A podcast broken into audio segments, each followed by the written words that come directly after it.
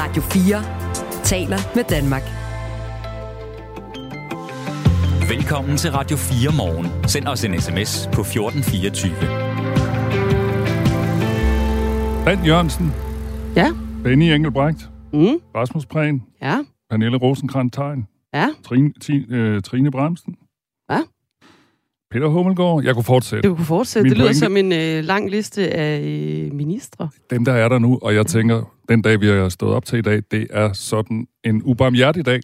Ja, Fordi vi må formode, at øh, de nye ministre i den nye regering har fået opringning i går, og enten så er de i gang med at stryge skjorter, pusse sko, finde den fine kjole frem, køb gaver. købe gaver. Det er måske lige tidligt nok til det endnu. til ministeroverdragelser, og nogen, altså for eksempel nogle af dem, jeg nævnte her, altså vi har jo kun indtil nu haft en socialdemokratisk regering, nogen bliver jo ikke minister, det er jo også en dag, hvor nogen bliver rigtig ked af det. Det er sådan en rigtig skæbnedag for rigtig, rigtig mange politikere. Ja, det må man sige. Det er altså en dag ovenpå dagen i går, hvor vi fik et øh, regeringsgrundlag præsenteret af fungerende statsminister, bliver statsminister igen, Mette Frederiksen, Venstres øh, Jakob Ellemann Jensen, og så øh, Moderaternes Lars Lykke Rasmussen.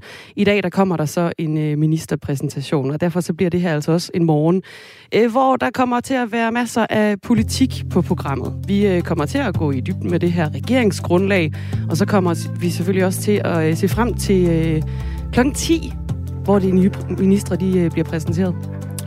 Ja, det gør de, og det bliver rigtig spændende at få de der navne på. Vi må jo bemærke indtil nu, Dagmar, at der er altså ikke drøbet nogen navn. Det eneste, vi sådan set med sikkerhed ved, det er, at Mette Frederiksen bliver statsminister. Så tror jeg også, vi skal regne med, at Jakob Ellemann får en post, og Lars Løkke får en post, men altså, vi ved faktisk ikke mere. Jo, så ved vi også, at Lars Løkke Rasmussen, han hiver nogen ind udefra. Det er rigtigt. Ja, det men bliver ikke også hvem. spændende. Nej, vi ved ikke, hvem det er. Om lidt så skal det også handle om øh, jobcentrene. De er gennem årene blevet kritiseret fuldstændig vanvittigt. Og nu nedlægger øh, regeringen de her jobcentre. Men hvad kommer det så til at betyde for landets arbejdsløse? Det spørger vi en socialrådgiver om lige om lidt.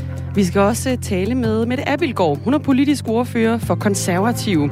Partiet de gik ikke med i den her øh, regering hen over midten, der er landet. Men hvorfor egentlig ikke, når regeringsgrundlaget det nu indeholder øh, flere konservative mærkesager? Vi taler med Mette Abildgaard cirka 20 minutter over syv. Og så skal vi selvfølgelig også tale om noget af det, som jeg tror masser af danskere allerede har talt om i går, nemlig, og vi fortsætter snakken, nemlig det her med øh, Stor Bededag. Ja, Den nye regering vil nemlig gøre det til en helt, helt almindelig arbejdsdag, og hvad siger oppositionen? Det taler vi med en politiker om, vi taler også med en sovnepræst, mm. og så taler vi selvfølgelig også med en bager, som er rigtig, rigtig glad for at bage varme videre. Han er ikke begejstret. nej, det kan vi godt afsløre. Øhm, jeg skynder mig lige at rette mig selv. Vi taler selvfølgelig med Mette Abildgaard cirka 20 minutter over 6, ikke 20 minutter over 7. Ah, så- ah, det er tidligt på morgenen, men klokken den er altså kun 8 minutter over 6. Så det er om cirka en 12 minutters tid, vi har Mette Abildgaard med igennem her på øh, Radio 4. Du kan selvfølgelig også øh, byde ind i programmet. Det gør du på det nummer, der hedder 1424. Dine værter i dag, det er Michael Robach og Dagmar Eben Østergaard. Godmorgen til dig. Lytter til Radio 4 morgen. Vi starter med historien om jobcentrene, for landets jobcentre står i det nye regeringsgrundlag til at blive lukket, men der står intet om, hvad der skal erstatte dem. Til gengæld så skal kommunerne sættes fri for statslige proceskrav, som det hedder, og det skal alt sammen give en besparelse på 3 milliarder kroner. Men den kombination frygter du, Maj Thorsen. Godmorgen. Godmorgen.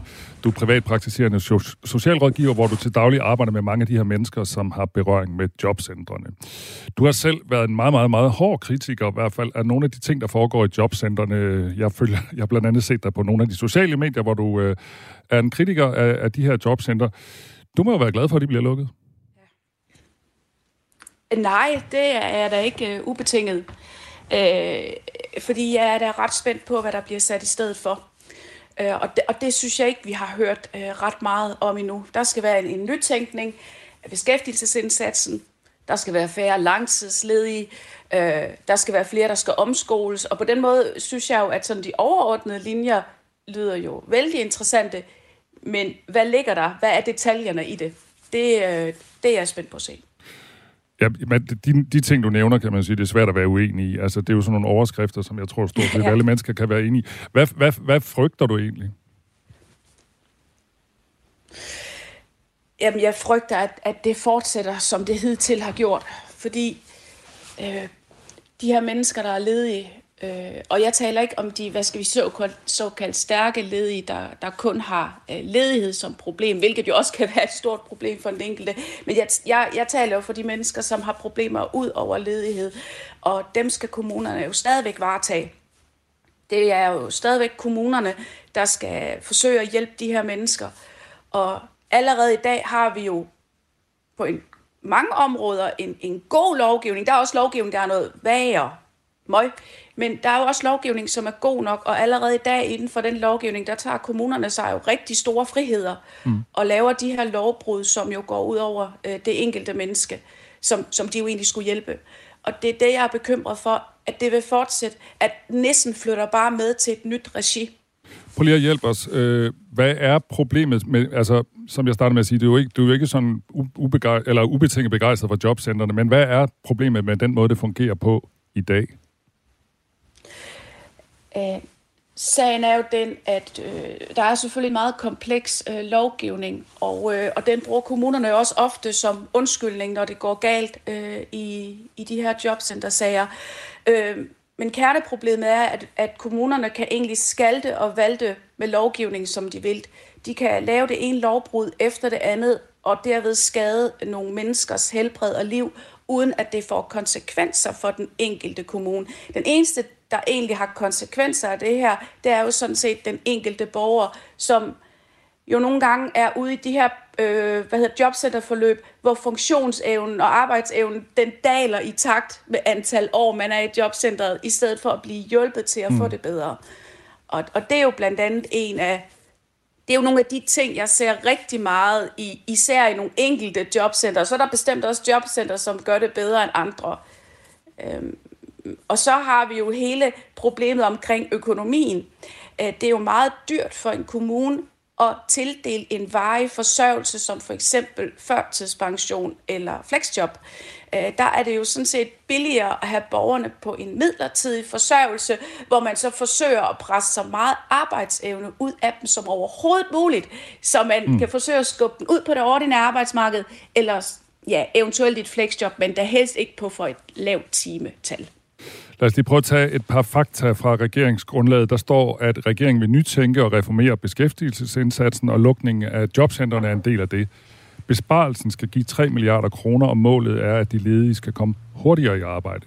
Som en del af nytænkningen skal A-kasser og private leverandører spille en større rolle i indsatsen for dem, der kun i korte perioder står uden arbejde, og så skal social bedrageri mødes med en hård og markant konsekvens. Og så står der også, at kommunerne vil blive sat fri for statslige proceskrav. Tror du ikke, det kan være en meget god idé, at man måske ude i kommunerne kan ligesom lave mere altså skræddersy tilbud netop til den enkelte borger? Jo, øh, det, tror jeg på kan være godt de steder, hvor at øh, kommuneøkonomien øh, ser bedre ud. Øh, jeg er stadigvæk bekymret, fordi jeg bliver nødt til at sige, at i dag tager kommunerne sig allerede meget store friheder i forhold til øh, lovgivning. Vi har lige set det for nylig i Åben Rå Kommune, øh, hvor man jo har øh, sanktioneret øh, kontanthjælpsmodtagere for at rejse en time over grænsen øh, for at handle. Det er jo så blevet stoppet nu. Øh, det gjorde man ikke i Tønder Kommune, som jo ja. ligger lige ved siden af. Så der er jo allerede i dag i kommunerne, jamen jeg kalder det jo, et, et, øh, det må jo bero på det menneskesyn, man har på de mennesker, man arbejder med, om man har lyst til at fortolke lovgivning så uhyggeligt stramt, så det går ud over meget sårbare mennesker. Så det du siger, og hvis de ja. frihed, jeg, jeg tror, at vi kan risikere, at hvis der kommer for mange friheder ud til kommunerne, at de så vil rent udsagt udnytte det. Så det, i dine ører er det ikke, altså, så er det ikke bare lutter gode øh, nyheder, hvis, hvis, de vil, hvis de får mere frihed, fordi det, så er du bange for, at de kommer til at udnytte det til at gøre øh, vilkårene ringere. For, ja, øh... det er jeg bange for. Ja, det er jeg. Og så kan man sige, der er selvfølgelig også ting, hvor det giver mening. Altså de her, hvad skal vi sige, såkaldt stærke ledige, som skal øh, søge to jobs om ugen, og som er underlagt nogle fuldstændig vanvittige proceskrav, krav, hvor man jo Jamen, jamen umyndiggør jo nærmest folk ved at holde dem i det her jerngreb i, i jobcenterne med alle de samtaler, de skal rende til. Jamen, de mennesker, som kun har øh, ledighed som problem, jamen, for pokker da vise dem nu tillid til, at de godt selv kan gå ud øh, relativt hurtigt og finde et nyt job selv. Så der, der er bestemt nok steder, hvor jeg tænker, det giver mening. Men ikke i forhold til den målgruppe, jeg arbejder med. Der er jeg bekymret. Øh, Maja Thorsen, privatpraktiserende mm. socialrådgiver. Øh, sig mig en gang, stoler du ikke på øh, kommunerne? Åh, oh, jeg ved godt, det godt kan komme til at lyde sådan, men, men nej. Det, det kan jeg godt forstå, hvis folk tænker, nej, det, det, gør, jeg, det gør jeg desværre ikke, for efter fem år øh, med, ja, vi er vel snart op på, på 400 borgersager på de fem år, i over 50 kommuner over hele landet, der har jeg bare set for mig til, at, at, at jeg nok helt øh, stoler på, at de skal slippes fri til bare at kunne gøre, hvad de ja, vel. Men bør man så helt måske tage beskæftigelsesindsatsen og lægge den ud i privat, privat regi? Nej, det tænker jeg heller ikke. Altså, der, der er jeg heller ikke... Øh, måske kan noget give mening, at det skal over i privat regi. Men det, man jo kunne gøre fra regeringens side af, det er jo, at man kunne lave for eksempel en afklaringsgaranti, der hedder, fra den dag, du træder ind i jobcentret som borger, der skal du være afklaret inden for tre år. Der skal man have fundet ud af, skal du have et flexjob eller en førtidspension, så vi netop undgår de her sager, jeg jo også har mellem hænderne, som var Ja, helt op til 20 år har jeg haft sager, hvor borgeren har været i jobcenter i 20 år. Det er jo ganske enkelt ikke rimeligt, og det er heller ikke meningen med lovgivning, man skal hænge så lang tid i et system. Så man kunne jo også lave nogle overordnede rammer, som tvang kommunerne til at gøre tingene bedre. Altså et økonomisk incitament til at behandle borgerne bedre, til at få dem afklaret bedre og mere ordentligt. Nu, det der står i regeringsgrundlaget, er jo sådan forløbig lidt nogle overskrifter. Hvis nu øh, den kommende beskæftigelsesminister ringer til dig og tænker, Maja Thorsen, hun ved, hvad hun taler om. Øh, hvilke gode råd vil du så give? Altså, hvad, hvad vil du komme med af anbefalinger? Jamen for det første den her afklaringsgaranti, som jeg lige nævnte, og den har jeg også nævnt for Hummelgaard for nylig, at det, det kunne være en rigtig god idé for at tvinge kommunerne til at stramme sig lidt mere ind. Og så kunne jeg også godt tænke mig, at øh, det her øh, med det økonomiske incitament, det er simpelthen for dyrt for kommunerne at tildele øh, førtidspension og flexjob, og derfor værer de sig mod at gøre det. Det er ganske enkelt sådan, det er i nogle kommuner. Øh, og derfor øh, kunne vi også tænke noget økonomi ind i det her. Og så ved jeg godt, så bliver det dyrere for staten. Men altså, hvor dyrt er det ikke også at have folk rendende på en overførselsindkomst i 20 år? Det er jo ikke rimeligt, og det er også utroligt dyrt for samfundet. Jeg tænker, at de ressourcer ude i jobcenteret, eller hvad det kommer til at hedde, dem kunne man bruge langt bedre øh, på nogle andre mennesker, og så give de mennesker lov til at få fred, som ikke kan øh, arbejde, ikke har noget arbejdsevne tilbage. Sådan lød altså rådet for mig, Thorsen, som er privatpraktiserende socialrådgiver. Nu må vi høre, øh, nu må vi se, om der er nogen øh, kommende minister, der lytter til dig. Tak fordi du var med mig. Ja, selv tak da. Vi gjorde det! Missionen på Radio 4 er taleradio, der handler. Vi kan godt lide at gøre noget. Ja. Yeah. Ikke? Ikke bare tale. Fra mandag til torsdag kaster Amalie Bremer og Tony Scott sig over en ny mission. Vi to taler jo meget. Mm-hmm. Og så har vi en handlende kraft. Ja, ja. Jamen, sådan har vi fordelt det. Som er reporter, Rasmus. Ah! Når det rigtig bliver svært, så siger vi, og nu stiller vi over til dig, Rasmus. det skal du gøre. Lyt til missionen mandag til torsdag fra 15 til 17. Radio 4 taler med Danmark. Du lytter til Radio 4 morgen. De gik fra at have en statsministerkandidat til at være en mulig del af regeringen, til nu at være et oppositionsparti. Det er selvfølgelig de konservative, der er tale om. Partiet forlod regeringsforhandlingerne den 4. december, og nu er der så kommet en regering udenom dem. Mette Abelgaard er politisk ordfører hos Konservativ. Godmorgen. Godmorgen. Din formand, Søren Pape Poulsen, sagde i går, han er skuffet over den nye regerings ambitioner for eh, skat- og arbejdsudbud. Hvad er det helt konkret, I er skuffet over i det nye regeringsgrundlag? Jamen, det var jo selvfølgelig spændende at læse regeringsgrundlaget i går, og jeg tror jo, vi havde meget store forhåbninger, fordi det er jo klart, når man har sagt så ultimativt, som Venstre har, dels at man vil have en advokatvurdering, man ikke vil gå i regering med Socialdemokratiet og så videre, så havde vi jo en forventning om, at når man nu gjorde alt det alligevel, og sådan løb fra det, man havde sagt, så måtte der også være en meget god betaling for det, for at sige det lige ud. Og man kan sige, at regeringen, den tidligere regering, Socialdemokratiet, de foreslog selv i valgkampen skattelettelser for personskatterne på 4 milliarder milliarder. Og nu har man så præsenteret noget i går, hvor man letter personskatterne for 5 milliarder. Det er jo ikke en meget stor indrømmelse til Venstre, at man giver en enkelt milliard øh, i så lang tidshorisont ekstra i skattelettelser til danskerne. Så, så hvad skulle prisen på grisen have været, for nu at bruge et øh, meget brugt udtryk her under valgkampen? Hvad skulle prisen på grisen have været, hvis det stod til konservativ? Jamen stod det til os konservative, så skulle der i hvert fald have været en lettelse i personskatten, som ville kunne mærkes for helt almindelige øh, danskere. Danskerne er jo presset Jamen, det kan jeg selvfølgelig godt se det sjove i, at jeg skal sætte et eller andet øh, konkret tal på, men det er jo klart, det er jo en del af et større billede. Hvis man nu omvendt havde fået nogle meget konkrete indrømmelser i forhold til det frie valg, øh, så er det jo sådan noget, der også trækker i den rigtige retning. Der har Venstre fået en masse fine formuleringer om, at det er godt med frit valg, og vi skal se på, om det frie valg kan styrkes osv. Hvis man nu helt konkret havde fået skrevet ind, at der skulle indføres frit valg for øh, paragraf øh, hedder det 82a for rehabilitering rehabilitering af de ældre, ja, så havde det været konkret, og så var det noget, der havde, så at sige, talt med i regnestykket. Øh, det er jo nødt til at være konkret, for at det kan øh, være sikkert i en øh, regering, som, som på den måde er hen over midten, hvor øh, man vil skulle forhandle fra gang til gang. Rasmus Kaiser har sendt en sms ind, og han skriver, øh, som borgerlig vælger er det godt nok en tynd kop te. Øh, nærmest en kop vand. Skattelettelser på 1000 kroner om året for en almindelig lønmodtager. Det er en ommer, skriver han. Øhm, hvad skulle en skattelettelse for en almindelig lønmodtager lyde på øh, for konservativ, for at stille jer tilfredse? Jamen, man kan jo tage udgangspunkt i vores egen økonomiske 2030-plan, øh, hvor man jo får mange gange øh, det beløb, øh, som, som regeringen spiller ud med, øh, hvor, vi, øh, hvor vi sikrer, at det rent faktisk er noget, der vil kunne mærkes øh, i budgettet, øh, hvis, hvis man får en skattelettelse. Men Hvad det er jo sådan set ikke, fordi vi ikke... Mange gange det beløb. Ja, men, men helt ærligt, jeg kan sgu ikke huske tallene i hovedet øh, lige nu, hvor meget en... For, altså, forskellige typeberegningerne får noget forskelligt ud af, øh, af vores 2030 øh, skatteplan. Havde du spurgt mig for fire uger siden, så jeg kunne tale ned på mindste decimal. Mm. Øh, men på den måde er vi jo nok alle sammen lige ude på den anden side af, af et valg.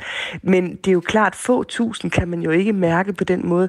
I vores økonomiske 2030-plan, der øh, lægger vi en del kræfter, både beskæftigelsesfradraget bunden, og så gør vi det også i forhold til topskattegrænsen. Øh, samlet set, der, øh, der gør vi, der letter vi skatterne øh, på på, på den måde markant mere for danskerne. Og vi gjorde egentlig klart, da vi lavede vores økonomiske plan, at for os var det afgørende, at lettelserne de fandt sted i bund. Altså det er der, det kan mærkes for, for helt almindelige danskere. Øh, jeg er godt klar over, at mange sådan fik skabt det indtryk, at det suverænt mest afgørende for det konservative Folkeparti. Mm. Men vi sagde sådan set fra starten, at det var uh, lettelser i bunden, som var det vigtige for os. Men du har simpelthen renset tavlen i sådan en grad med det, Bilgaard, at du ikke kan sætte tal på, hvor store skattelettelser en almindelig lønmodtager skal, øh, skal kunne mærke, hvis det var til, op til konservative. Men med den til at være en eksakt videnskab, hvor hvis ikke man leverer lige præcis det tal, så vil man ikke kunne gå ind i en regering. Det, der sådan set er min pointe, det er naturligvis, skal der leveres mere på personskatterne, end man ligger op til fra regeringens side her, hvor man øger fra 4 til 5 milliarder. Men havde man fået meget andet på andre vigtige borgerlige områder, så er det jo klart, så skal man også være villig til at gå på kompromis øh, nogle steder. Det er jeg fuldstændig med på. Og der nævner jeg jo eksempelvis øh, det frie valg, hvor jeg ikke synes, det er konkret nok det, som øh, partierne har fået. Så, så... Det, at man skriver ind, at man gerne vil styrke, styrke det frie valg, det er jo sådan set fint nok, men man bliver nødt til at være konkret i forhold til, hvor er det, det frie valg skal styrkes. Øh, fordi jeg kender godt Socialdemokraterne, når det kommer til det her. Jeg har ikke oplevet, at de sådan har været øh, super villige i forhold til at, at, skulle, øh, at skulle øge det frie valg, når vi har siddet i forhandlinger, eksempelvis omkring ny ældrelov med dem. Så, så lad os tage fat i det her frie valg, du taler om, som ikke er konkret nok. Hvordan skulle det være konkret udmyndtet, hvis det var op til dit parti med det, jeg vil gå konservativ? Øh, det frie valg. Mm.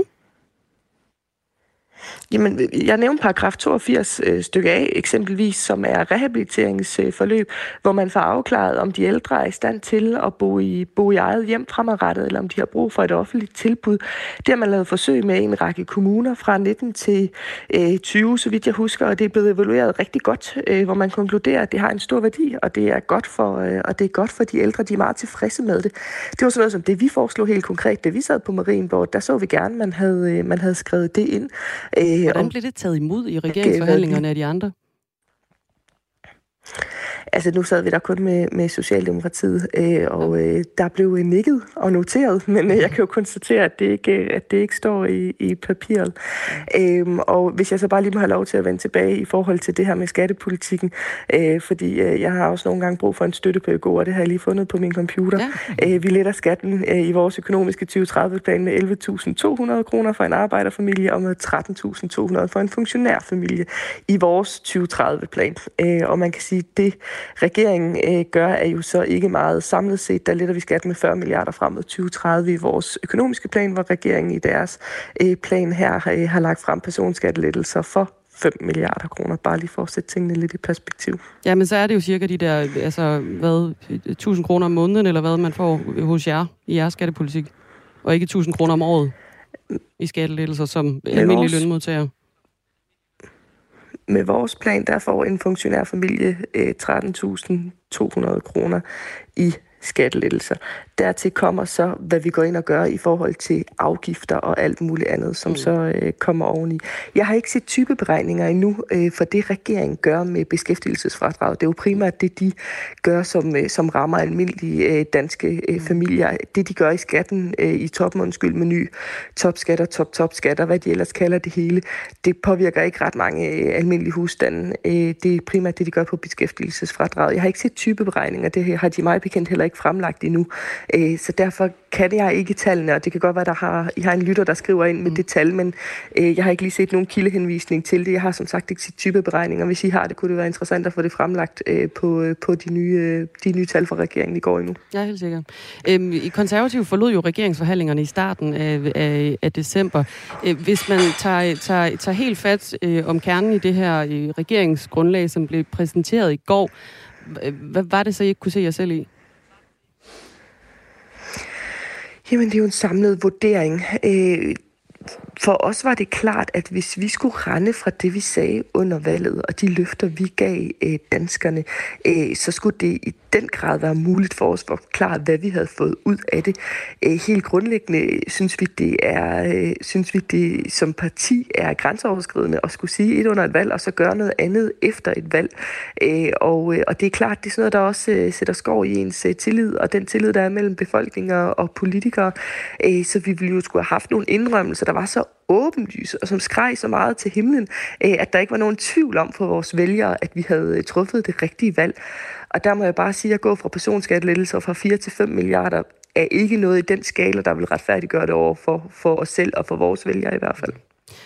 Flere gange under øh, valgkampen, der er overstået nu, en lang valgkamp, og så blev det også en lang øh, omgang regeringsforhandlinger. Men flere gange under valgkampen, der stod øh, Søren Pape Poulsen, altså din formand, og Jakob Ellemann Jensen side om side mod Mette Frederiksen. Nu står øh, Søren Pape og dit parti, Konservativ, I står udenfor nu, og Jakob Ellemann, han står ved siden af Mette Frederiksen.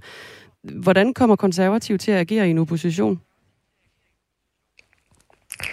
Vi kommer til at være lige så meget opposition til Venstre, som vi kommer til at være til Socialdemokratiet og Moderaterne. Det er ikke sådan, fordi øh, vi nu bliver en lidt sødere og blødere opposition over for, for Venstre. Altså nu er de jo en enhed, når de er blevet et regering sammen og blevet et arbejdsfællesskab, som de kalder det sammen.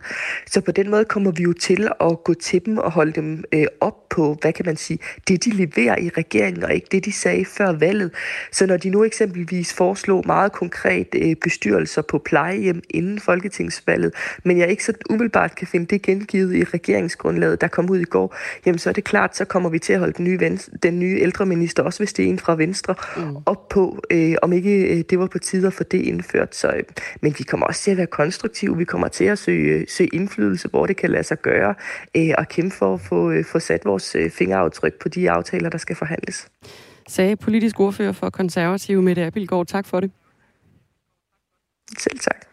Og vi får også øh, flere politiske reaktioner her til morgen. Det er blandt andet fra Danmarks Demokraterne, Inger Støjberg, fra Moderaterne også, Jakob Engel Schmidt, og så fra Enhedslistens Pelle Dragsted. Det er bare et udpluk af nogle navne.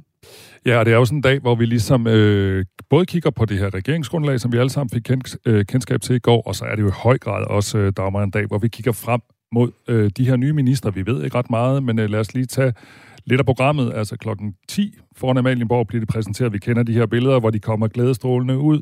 Og der i dag, står i samlet flok. Præcis. Det er måske den, den lykkeligste dag. Det hørte jeg vi går en tidligere minister sige. Den lykkeligste dag en ministersdag, det er den første dag. og så klokken øh, 11.15, det bliver nok lidt mindre festligt. Der modtager dronningen og kronprinsen de ministre, som fratræder. Det er ja. jo sådan lidt mindre festligt. Og så er der også uh, de her famøse ministeroverdragelser. Vi har ikke et konkret, konkret program for dem, altså hvor uh, den gamle minister og den uh, tiltrædende minister skal ligesom bytte, bytte sæde, uh, hvor der også kommer til at være nogle gaveudvekslinger. Det, er, det starter fra omkring klokken, klokken halv to i dag, og det er altså også noget, vi selvfølgelig holder øje med her på Radio 4. Vi sender af den her årsag, fordi ministerne bliver præsenteret klokken 10, også Radio 4 morgen, lidt længere end sædvanligt. Vi sender nemlig til halv 10, og så overtager Mandat Special stafetten der efter, og I sender også de her, den her ministerpræsentation.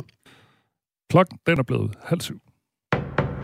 Nu er der nyheder på Radio 4. De radikale har droppet des ultimatum om, at partiet aldrig vil kunne gøre op om en regering, der arbejder på at etablere et modtagscenter for asylansøgere i Branda. Det siger partiets politiske leder Martin Lidegaard til politikken. Få dage efter valget var der enighed i den radikale folketingsgruppe om, at det var et ultimativt krav. Her lød det, at Rwanda-planerne skulle sløjfes, hvis partiet skulle støtte en regering. Men nu indrømmer Martin Lidegaard, at det ikke længere forholder sig sådan. Rwanda nævnes ikke i det nye regeringsgrundlag, men den nye SVM-regering har som mål at oprette et modtagscenter uden for Europa, som skal etableres af EU eller en række række andre lande. Og når vi nu er ved den nye SVM-regering, så er det i dag, at dens ministre bliver præsenteret for dronningen på Amalienborg. Det sker klokken 10, skriver statsministeriet. Det står klart, at Mette Frederiksen fra Socialdemokratiet skal fortsætte som statsminister, men hvilke roller Venstres formand Jakob Ellemann Jensen og Moderaternes leder Lars Løkke Rasmussen får, er endnu ikke meldt ud. Når de nye ministre er blevet præsenteret, skal de ministerier, som får en ny minister, overdrages, og det sker fra klokken halv to og frem. SVM-regeringens Arne Plus-ordning er en markant forringelse af muligheden for at gå tidligt på pension. Det skriver Dagbladet Information, som har snakket med Per Jensen, professor ved Aalborg Universitet og ekspert i tilbagetrækning. Det er særligt de kortuddannede, der bliver ramt, fordi de bliver mest nedslidt, lyder det fra Per Jensen.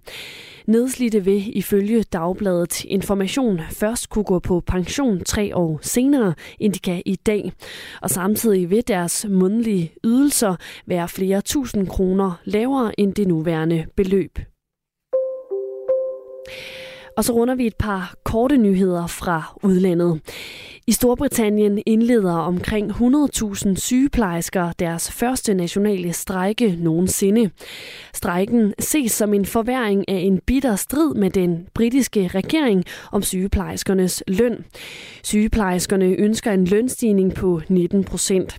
Strejken, som er planlagt over to dage i dag og så tirsdag i næste uge, vil medføre tusindvis af aflyste operationer og 10.000 af aflyste ambulante behandlinger. I forvejen er hospitalerne presset på en af de travleste tider på året. Peru har erklæret undtagelsestilstand i 30 dage over hele landet. Det sker som følge af voldige protester i kølvandet på afsættelsen og anholdelsen af den tidligere præsident Pedro Castillo. Det oplyser landets forsvarsminister. Han fortæller, at undtagelsestilstanden skyldes herværk og vold og vejafspærringer. Landets protester har indtil videre kostet syv mennesker livet, mens 200 er kommet til skade. En tyrkisk domstol har idømt Istanbuls borgmester to år og syv måneders fængsel. Dommen udelukker ham også fra politik, skriver nyhedsbyrået Reuters. Borgmesteren anses for at være en udfordrer til præsident Erdogan ved parlaments- og præsidentvalget til næste år. Borgmesteren er medlem af oppositionspartiet Det Republikanske Folkeparti. Han er blevet dømt for fornærmende udtalelser, som han kom med efter at have vundet et lokalvalg i Istanbul i 2019. Den sydlige del af landet får skyet vejr med sne eller sludbyer, ellers mest tørt og skyet vejr. Temperaturer mellem 8 graders frost og 2 graders varme.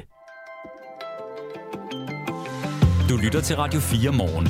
Husk, du kan skrive en sms til os på 1424.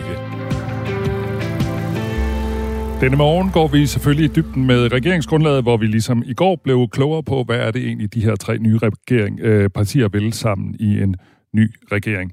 Og der er selvfølgelig noget på alle hylder, og øh, lige om lidt, øh, om cirka 10 minutter, så skal vi tale klima, for vi skal tale med klimabevægelsen, øh, som ikke just er begejstret over det, de har læst sig frem til. Vi skal også tale om Stor Bededag, naturligvis. Radio 4 taler med Danmark.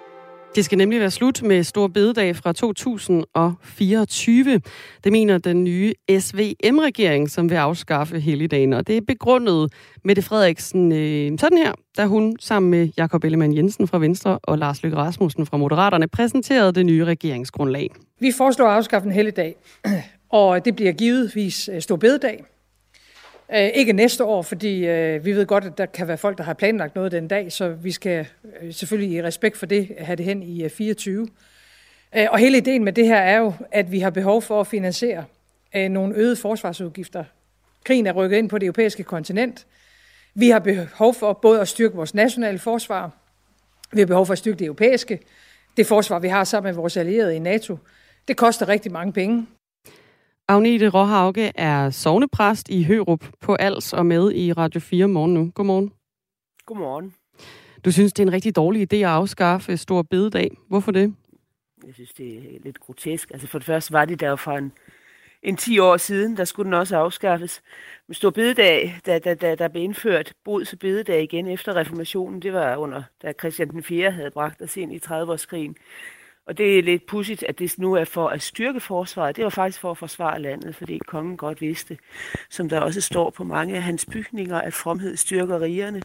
At det folk, der ikke beder herren om hjælp, det kan heller ikke forsvare sig selv. Og det vil, altså når man afskaffer det at bede øh, simpelthen op for officielt hold, så er det jo tegn på, at, at regeringen tror sig selv almægtig til alting og alvidende, at de ikke har brug for øh, at ty til det ham, der, der råder for alting en gang imellem. Men behøver så, man så det, det, det, det, det, det, det, det er sådan et, et tegn på, på hvad skal man sige, tidens åndelige tilstand. Det er den ene del af det. Øh, der kommer vist en anden del altså, her, kan jeg høre. Ja, jeg synes også, det, det er lidt pudsigt. Nu er det lige med krigen i Ukraine, ikke? Som, øh, som, som er anledningen til det. Øh, og hvor Ukraines øh, krig mod, mod, mod, mod Rusland, som vi jo har, har, har meget ondt af. Men det er jo, det er jo det er nu er Rusland militært, det er jo ikke, det er jo ikke Sovjetunionen længere, men det er jo en mm. sovjetisk måde at køre frem på. Det er en god gammel øh, sovjetisk måde, at man afskaffer, afskaffer helligdage, sådan at folk restløst kan tilhøre samfundet. Når du ikke kan holde fri på helligdage for at gå i kirke, jamen altså, så er det jo fordi, du bare er reduceret til at være en brik i det store samfundsmaskineri. Vi skal vækste os ud af det hele, og derfor så skal du, så skal du bare være en mus i mushjulet. Agnete Råhauge, øh, du siger det her med, at, at, at når man afskaffer stor bededag, så afskaffer man øh, nærmest det at bede. Der er jo masser af andre dage, hvor man også kan bede på. Der er jo også andre helligdage. Så, så set i det lys, Hvorfor er det så ikke ok at afskaffe stor bededag? Nej, altså jeg siger jo ikke, at, at, at, at du ikke kan bede på andre øh, bededage. Jeg siger, at det er ironisk, at man afskaffer øh, en helligdag, hvis oprindelse efter reformationen kommer af de bods- og bededage, som blev pålagt folket, fordi, fordi landet var i nød, og øh, men derfor bad Gud om at beskytte os. Og det har en hver, det har været, det, det ved en hver kristen, at du kan ikke beskytte dig selv. Du må først begynde med at bede, og så må du øh, forsvare landet. Så det, det er ikke, at selvfølgelig kan vi bede andre dage. Det er ikke det. Mm. Og i øvrigt kan, kan regeringen heller ikke afskaffe den som, som helligdag. Vi præster kan jo godt stadigvæk holde gudstjeneste der. Folk har bare ikke fri til at gå i kirke. De bliver hindret i at gå i kirke, og mm. det er jo det, der er det er jo det, der er, er det pudsige ved det. Det er det, der er den sovjetiske taktik, og det siger jo også meget. Altså, jeg formoder, at, at, at, at øh, at det blandt andet er Lars Lykke, der står bag det her, øh, kunne jeg da forestille mig. Men det er jo sådan en ultraliberalistisk idé, ikke? at, at, øh, at øh, samfundets vækst og samfundets er det, der, der, der, der, der, der, der, der tæller, og så er alt andet egentlig ligegyldigt. Ja, lige her, der handler det jo ikke så meget om samfundets vækst, men det handler om at styrke forsvaret. Det er i hvert fald sådan, uh, Mette Frederiksen siger, at, ja, at pengene kommer at til at blive penge brugt. til forsvaret, ikke? Ja. Og det er jo et spørgsmål om vækst. Der skal arbejdes mere for, at der skal være et større beskatningsgrundlag, så vi kan betale vores forsvarsudgifter. Hvad mener du om, om begrundelsen? Jamen, jeg, synes, der, jeg har det hele tiden synes, det er pinligt, at vi ikke har betalt vores, at vi ikke har betalt det, vi skal til NATO. Men altså, begrundelsen synes jeg, jeg synes også, altså, jeg synes, den er meget, meget tynd. Altså, du kan næsten ikke ringe til en offentlig institution i dag, fredag eftermiddag, fordi der er en almindelig, tror jeg, sådan tradition for, øh, mange danskere har fået hævd på at gå tidligt hjem om fredagen. Så de der par timer, som det kan komme til at batte, jeg, jeg, jeg tvivler på, at det kan batte ret meget. Så, Du siger også, og, at og så synes jeg også, det er lidt cool, altså, så, så, så kan jeg ikke lade være at grine af, af, at Mette Frederiksen ikke vil gøre det her i 23, men først i 24, fordi der kan være nogen, der har planlagt noget. Jeg skal hilse at sige, at altså, nu er Stor Bededag jo den store konfirmationsdag. Og konfirmandmøderne, de har, altså mange konfirmandmøder, de har planlagt frem til 2025, 26, 27.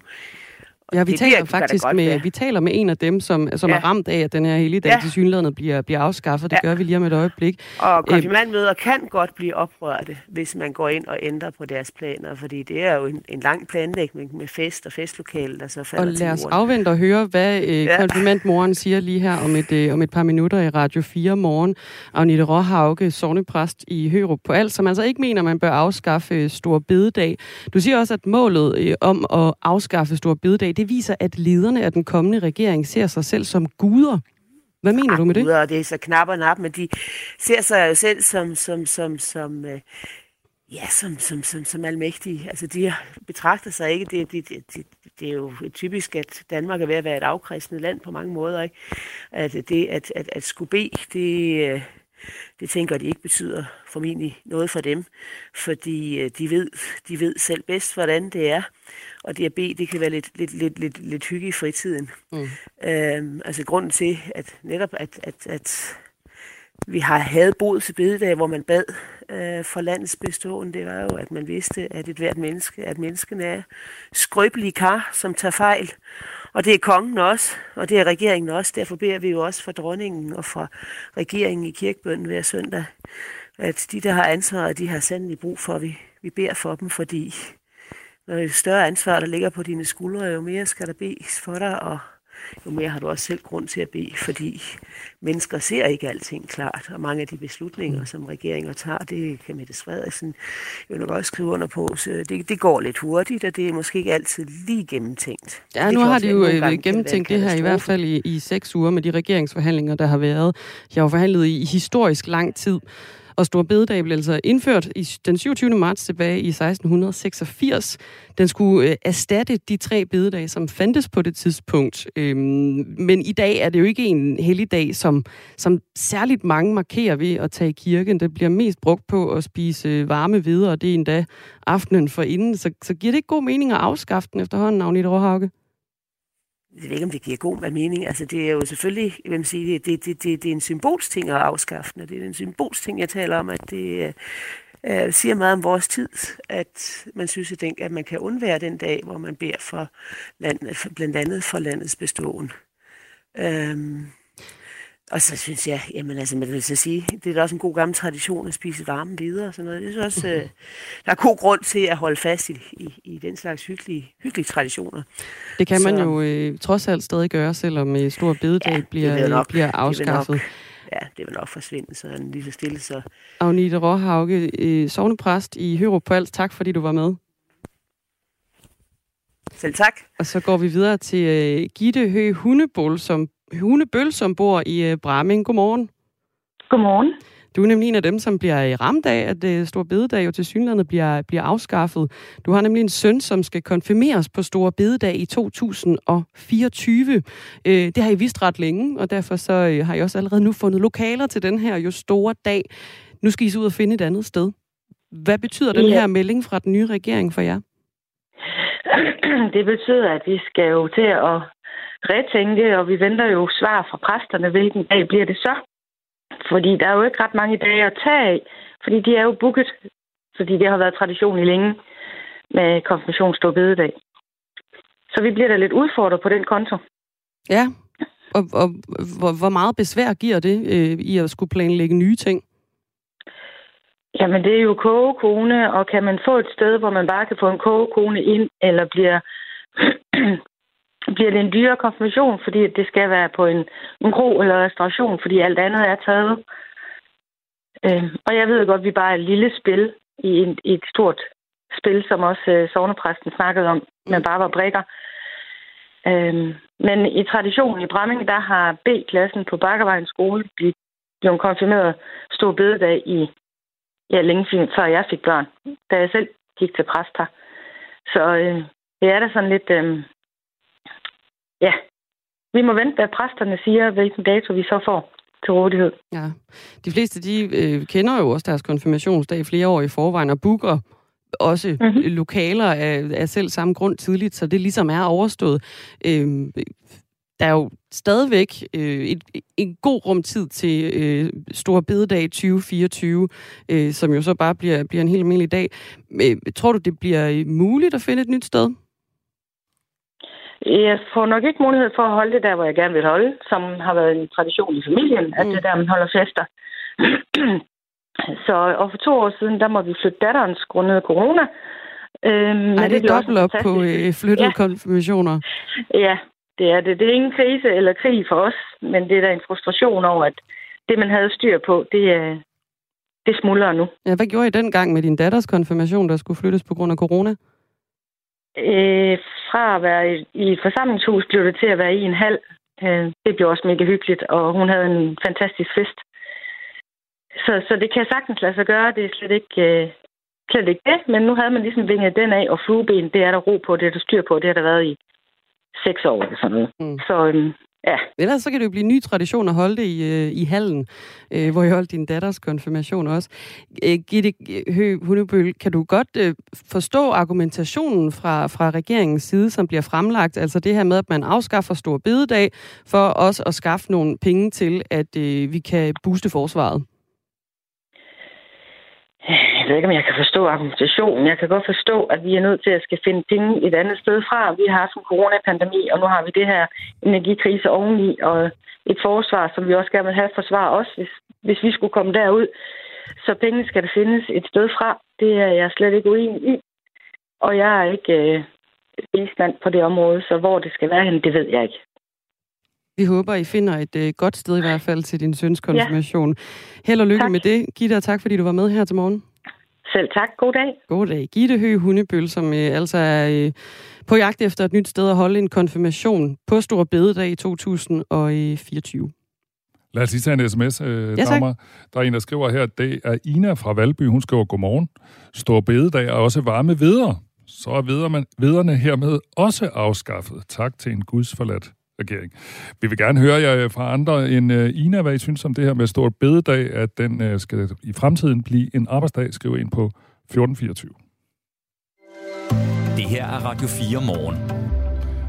Og vi sidder ikke alene, Dagmar. Der sidder også gode folk og øh, kigger på, hvad vi skal lave øh, resten af morgen. Og vi har fået besøg herinde i studiet af vores kollega Benjamin Munk. Hvad kigger I på, Benjamin? Jamen, øh, noget af det, vi øh, går rigtig meget efter i dag, det er øh, de radikale, som vi gerne vil høre fra. Øh, de har droppet det her krav, der ellers var et ultimativt krav. Det her Rwanda-ultimatum, som det hedder, hvor, hvor de ligesom ved flere lejligheder har sagt, at de aldrig nogensinde kommer til at bakke op om en regering, der vil lave et modtagscenter for, for asylansøgere i, i, i Rwanda. Så Øh, det har de droppet igen, og det træ er de nu klatret ned fra, fortæller øh, politisk leder Martin Lidegaard til, til politikken. Øh, det vil vi rigtig gerne høre mere om, men øh, det har været rigtig svært, og er rigtig svært at få fat i, i de radikale i, i disse dage, men øh, vi bliver ved med at prøve, og vi prøver også øh, tidligere folketingsmedlem for de radikale, Stinus Lindgren, som har, har skrevet lidt om, om det her. Så øh, det er noget af det, vi, øh, vi, vi, vi har tænkt os at prøve rigtig hårdt på her i, i løbet af morgenen.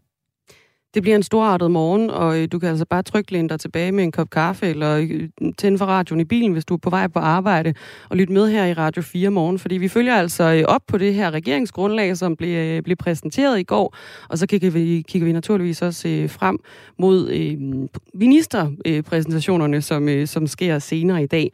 Og af den selv samme årsag, så sender vi også en lille smule længere her i Radio 4 morgen. Vi sender nemlig til klokken halv 10. Det vil sige, at Ring til Radio 4 udgår, og så over overtager i Mandat Special stafetten, og klokken den bliver øh, halv 10, og I kigger nærmere på den her øh, ministerpræsentation. Og her til morgen er i studiet Dagmar Eben Østergaard og Michael Robach. Og vi har lige haft besøg af Benjamin Unk. Det har vi. Det her er Radio 4 morgen. Vi fortsætter med regeringsgrundlaget krig, klimaneutralitet i 2045, afgift på flyrejser og en CO2-afgift til landbruget. Sådan lyder en del af regeringsgrundlaget, når det handler om klima. Men allerede inden at selv samme regering er trukket i arbejdstøjet, kritiseres regeringsgrundlaget på, klima, på klimaområdet for ikke at være ambitiøst nok. Den kritik kommer blandt andet fra dig, Karoline Bessermand, politisk rådgiver i Foreningen Klimabevægelsen. Godmorgen. Godmorgen. Regeringen fremrykker målet for klimaneutralitet fra 2050 til 2045. Det må da gøre dig glad, i det mindste. Øh, det er jo i hvert fald en start, øh, men jeg tror også, hvis man har fulgt øh, lidt med, i hvert fald i sidste uge, så er det jo også kommet frem af ekspertorganet, der hedder Klimarådet, at vi skal op i en helt anden kaliber, hvis vi skal holde os inden for halvanden gradsmålet og egentlig leve op til Paris-aftalen og vores egen klimalov. Og det tror jeg lidt af det, vi går og mangler i det her regeringsgrundlag, det er, at de tre eksempler, du lige nævnte i introduktionen her, det er lidt sådan de eneste, der er, og at holde sig ved som sådan værende noget, der er på vej den rigtige retning, kan man sige. Resten er, er meget fluffy. Der er meget, rigtig meget genbrugspolitik, altså ting, man allerede var enige om inden valget. øh, og bare ligesom nu brander som ny politik. Og så, øh, så er der de her sådan små øh, meget symbolske, øh, eller halvsymbolske øh, politiske tiltag, som ikke kommer til at få os øh, få os i den retning, som, som vi skal i. Altså lige nu, der løber klimakrisen langt hurtigere end dansk politik, og, og med det her regeringsgrundlag, så det, det øh, forspringen bare blevet forøget. Men nu siger du småting, altså en afgift på flyrejser, det er da sådan noget, som øh, øh klimabevægelsen har efterlyst i meget lang tid, og en CO2-afgift, som nu også øh, er med i regeringsgrundlaget, er jo også noget, I har efterlyst meget lang tid, så er det ikke meget godt? Jo, man kan sige, at en flyafgift er jo en af de lavest hængende frugter, så jeg tror, at grunden til, at vi, at, øh, vi eksempelvis har kaldt på det, øh, har jo været, fordi det har været så åbenlyst, at Danmark var bagud her. Altså, vi var en af de eneste af fire lande i EU, der overhovedet ikke havde nogen flyafgift. Men det, som vi også rigtig meget har brug for, den her regering gør, som de jo siger, de er villige til at gøre, det er at fremtidssikre Danmark, det er at tage de svære valg, og vi skal i gang med nogle af de svære valg, også i den grønne omstilling. Og der kan man sige, eksempelvis landbruget, som du også nævner, det er en af de sådan, helt store knaster. Jeg plejer at sammenligne med, at det er sådan vores svar på olieproduktion. Det er de her rigtig, rigtig store ting, vi har svært ved at få omstillet. Det er det samme med transporten. Øh, de her to sektorer rører man ikke særlig meget ved i, i det her regeringsgrundlag. Og det, man siger omkring CO2-afgiften, der har man simpelthen pillet alle de ambitiøse formuleringer, der var i valgkampen, har man pillet ud. Øh, man kan se, at der ligesom har været uenigheder internt i regeringen allerede på det. Og det vil sige, lige nu der øh, har man forpligtet sig på en CO2-afgift, men man har ikke sagt noget om niveau, man har ikke sagt noget om, hvornår den skal indfases, man har ikke sagt noget om, hvor mange reduktioner den skal bidrage med. Og det vil sige, at den kunne i princippet være 5 kroner per ton CO2, og så vil de sige, at så har vi lavet en CO2-afgift. Og så har den jo ikke nogen særlig stor effekt. Men er det ikke sådan med et, øh, med et regeringsgrundlag, at det ligesom er nogle overskrifter, og så med de kommende øh, måneder og år, ligesom, så udfylder man men, men de huller, der er, og er, er, det ikke, er det ligesom ikke en del af lejen, at der, det ligesom er overskrifter nu, og så, så forhandler man sig frem til noget længere ned ad vejen? Altså det kan man jo håbe, men øh, man plejer jo også at se, at et regeringsgrundlag eller et forståelsespapir, der hvor man virkelig slår nogle store ambitioner op og siger, at det er, det her, det er den her vej, Danmark skal hen. Øh, og kigger man for eksempel på regeringsgrundlaget i 2019, så var det altså nogle rimelig ambitiøse ting, man valgte at sige, okay, vi skal sætte øh, nogle klimamål, der skal holde Danmark inden for Paris-aftalen dengang. Øh, så sagde man, at vi skal kigge på alle de forskellige sektorer øh, og lave nogle klimaplaner for hele samfundet. Den her gang så er det lidt mere, øh, der, der er skruet gevaldigt ned for ambitionerne. Man har ligesom øh, valgt nogle enkelte mærkesager rundt omkring, øh, eksempelvis på den her flyafgift, som står ret alene, og så er det bare sådan lidt en, en rodebutik i alle mulige forskellige øh, sektorer. Der er ikke nogen sådan stor plan for, hvad, hvad Danmark skal som helhed i alle sektorer. Og det er jo det, øh, vi mangler. Altså, vi mangler, det er, det er jo fair nok at sige, at vi, vi har ikke alle detaljerne lige nu, men den her regering bliver også nødt til at forpligte sig på, at der skal ske nogle fundamentale skift i vores samfund, fordi det er det, øh, klimavidenskaben siger, det er det, man bliver nødt til at respektere. Det er ligesom fysikkens love. Øhm, og det, det mangler vi ligesom her. Og man kan sige, når Venstre for eksempelvis er med i regeringen, som er øh, så indætte modstander af den her øh, CO2-afgift, som de har vist sig at være i starten, at de vil rigtig gerne tale for landbruget. Så det er svært at se, hvordan man skal kunne nå videre nødvendigvis på den, når man ikke har aftalt allerede i øh, et regeringsgrundlag. Det her skal gå så hammerne stærkt, øh, og det vil sige, at vi har ikke tid til at sylte det, de her beslutninger særlig meget længere. Vi taler med Karoline Bessermann, der er politisk rådgiver i Foreningen Klimabevægelsen. Øh, Betyder det ikke noget for dig, at det er en bred regering hen over midten? Altså, kan det ikke være godt for klimaet, at vi ligesom nu får øh, nogen, der, øh, hvor vi tænker, jamen det er bredt funderet i stedet for ude på fløjene. Kan det være en fordel for, for klimaet? Kan det jo, hvis, øh, hvis de vil føre den, altså, en progressiv nok klimapolitik. Ellers så kan det godt øh, føre til en eller anden stillstand på klimapolitikken, hvor man øh, ikke rigtig tør gå den ene vej, fordi der er nogen, der har interesser over øh, hos nogen, og så nogen, der har interesser over hos nogle andre, og så ender vi egentlig bare med at stå, at stå stille. Mm. Og det tror jeg måske kan være noget af det allerfarligste. Det er, hvis man vælger at stå stille i klimapolitikken. Og det er derfor, jeg kan egentlig rigtig godt følge Mette Frederiksen, når hun siger, at vi har brug for nogle nye øh, skillelinjer, nogle nye øh, vurderingsparametre i dansk politik. Det skal ikke være rød og blå, men vi bliver nødt til at vurdere øh, partierne så ifølge mig på, er de klimaprogressive eller er de ikke klimaprogressive. Og kigger man på listen over, hvem der har den mest progressive klimapolitik, altså det kan man jo kigge på, man kan kigge på, hvor mm. mange reduktioner de kan formå at skaffe, så alle de her tre partier, de er altså et godt stykke ned ad den liste. Og det vil sige, det er ikke øh, nødvendigvis fornuftigt at have en midterregering, når det kommer til øh, klima. Og det tror jeg er det, vi hæfter os ved, og også det, vi ligesom bliver bekræftet når vi får det her regeringsgrundlag og kigger på øh, godt, hvad vil øh, den her regering så de næste fire fuldstændig afgørende år for, for klimapolitikken. Det er ikke det helt store, når, øh, når det allerstørste, vi kan hive frem, det er, det er en flyafgift.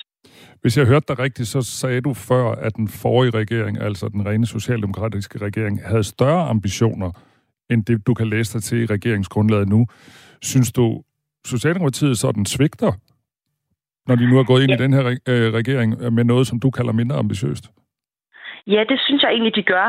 Øh, fordi man kan sige, at grunden til, at de var mere ambitiøse sidst, og det tror jeg er velkendt, fordi det har Socialdemokratiet også selv været ude at sige, det var, at de blev trukket i den rigtige retning af støttepartierne. Det vil sige, de røde-grønne partier sagde, I skal levere mere. Altså man skulle have en 70% målsætning for at gøre Mette Frederiksen til statsminister, og man skulle også leve op til, til det med de aftaler, man lavede det push får vi ikke på samme måde fra, fra Venstre og Moderaterne, hvor ingen af dem er kendt for at have en ambitiøs klimapolitik. Og det vil sige, når øh, Mette Frederiksen og Socialdemokratiet går i regering med dem, så står alle op, øh, altså, obs, altså os, der også observerer, så siger vi, så skal I jo ligesom have trukket dem gevaldigt i den retning, som I er blevet trukket i øh, af nogle andre. Og det kan man bare se nu, at det har de ikke rigtig formået at gøre. Altså det, det er ikke det her er ikke klimapolitik, der gør, gøre, at Danmark lever op til halvanden grads målsætningen. Og det må være det absolut vigtigste. Altså, vi har ikke tid til mere genbrugspolitik eller symbolpolitik på, på klimadagsordenen. Og det vil sige, vælger man at samarbejde med nogen, der ikke trækker dig i den retning, så, øh, så kan det godt tendere til, at man skubber. Og det her, det ligner altså lidt, at det er en grøn erklæring allerede fra, fra dag 1 sagde altså Karoline Bessermann, øh, som er politisk rådgiver i Klimabevægelsen. Tusind tak, fordi du gav dit perspektiv her til morgen. Selv tak. Det her er Radio 4 morgen. Michael, lad os lige dykke ned i uh, øh, sms-indbakken, fordi der er rigtig mange, der har skrevet ind i forhold til det her med afskaffelsen af Stor Bededag, som jo også var noget, der blev nævnt i går i præsentationen af regeringsgrundlaget. Der er kommet en uh, helt stak, og jeg synes, vi uh, tager lige et, uh, et par stykker af dem. Øhm, der er en, der spørger, er det overhovedet officielt, at helligdagen forsvinder, eller er alle i gang med at ynke på forhånd? Det er jo ikke helt officielt endnu, men det står altså i et regeringsgrundlag, og det er et regeringsgrundlag for en flertalsregering. Så det er jo noget, de kan sige, jamen det gør vi. Ja, og jeg tror måske også, man skal præcisere, ja, altså som præsten, vi talte med tidligere, mm. det er jo ikke nødvendigvis helligdagen, man aflyser. Man aflyser bare, at vi er fri på den helligdag. Ja, ja. det er og det. Og det er jo nok det, der det er ellers noget, der ligger meget lunt hos os, at man har fri på helligdag, ikke? Præcis. Og det er øhm, altid en fredag, er det ikke det? Jo, det hvordan er det nu lige, det er med Stor Bededag? Det, det googler vi lige. Det er ja. noget med den fjerde øh, fredag efter øh, åh, der er en hel ting der. Ja. Øhm, de kan forkorte Folketingets sommerferie i stedet for. Sorry, jeg har ikke meget til overs for det forslag. Er fastlønnet og kommer til at arbejde gratis den dag, de sletter. Hun lever op til sit navn. Slette med det, er der en lytter, der skriver også på 1424. Og så skriver Tommy, 30-40% af danskerne arbejder i helligdagen i forvejen. Mennesker, dyr og butikker skal passes 365 dage om året. Det er jo sandt, men når man så arbejder på en helligdag, så plejer man jo så typisk også at få den fridag på et eller andet andet tidspunkt, så der er jo alligevel et eller andet ekstra arbejde i det. Øh, Stor bededag, kan vi lige sige, falder hvert år den fjerde fredag efter påske. Så det er en fredag. Jamen, det er også det, det der er, er så skønt. Altså, det må jeg også bare... Det er jo det, der er så skønt. Det bliver jo en forlænget weekend. Det er jo nemlig det. Mm. Vi er altså overhovedet ikke færdige heller med at tale om, at regeringen gerne vil fjerne Stor Bededag. Vi får øh, senere på morgenen en reaktion fra en bager, som siger, at det er en af hans vigtigste indtjeningsdage. Og så får vi også øh, fra den borgerligt liberale tænketank Cepos en reaktion. De tvivler nemlig på, at øh, regeringen de vil kunne få ret mange flere penge i statskassen ved at fjerne den her i helligdag. Det er alt sammen klokken cirka 20 minutter over syv, altså ikke så forfærdeligt længe. Og tak for alle jeres sms'er om øh, Stor Bededag. Vi vil gerne have endnu flere. Det er på 1424. Og så er det jo også en dag, hvor øh, de nye ministre bliver præsenteret. Og øh, vi vil også gerne høre jer, der øh, sidder derude og lytter med. Øh, nu, er, nu kan de jo, den nye regering jo danne alle mulige nye slags ministerier. Det har vi jo set før, at der dukker nye ministerier op. Så ja. hvad kunne I tænke jer? Altså, er der et ministerium, vi mangler, så skriv til os på 1424. Ja, det kunne godt være, at der er et eller andet, hvor man tænker, mm, det her det er faktisk et stort emne, eller noget, som bør have en særlig plads, fordi det er vigtigt, at der bliver taget vare på det. Øh, psykiatri har der været rigtig meget snak om, for mm. eksempel. Øh, cybersikkerhedsministerium kunne mm. måske endda også være, øh, være en idé. Skriv ind 1424, klokken er syv.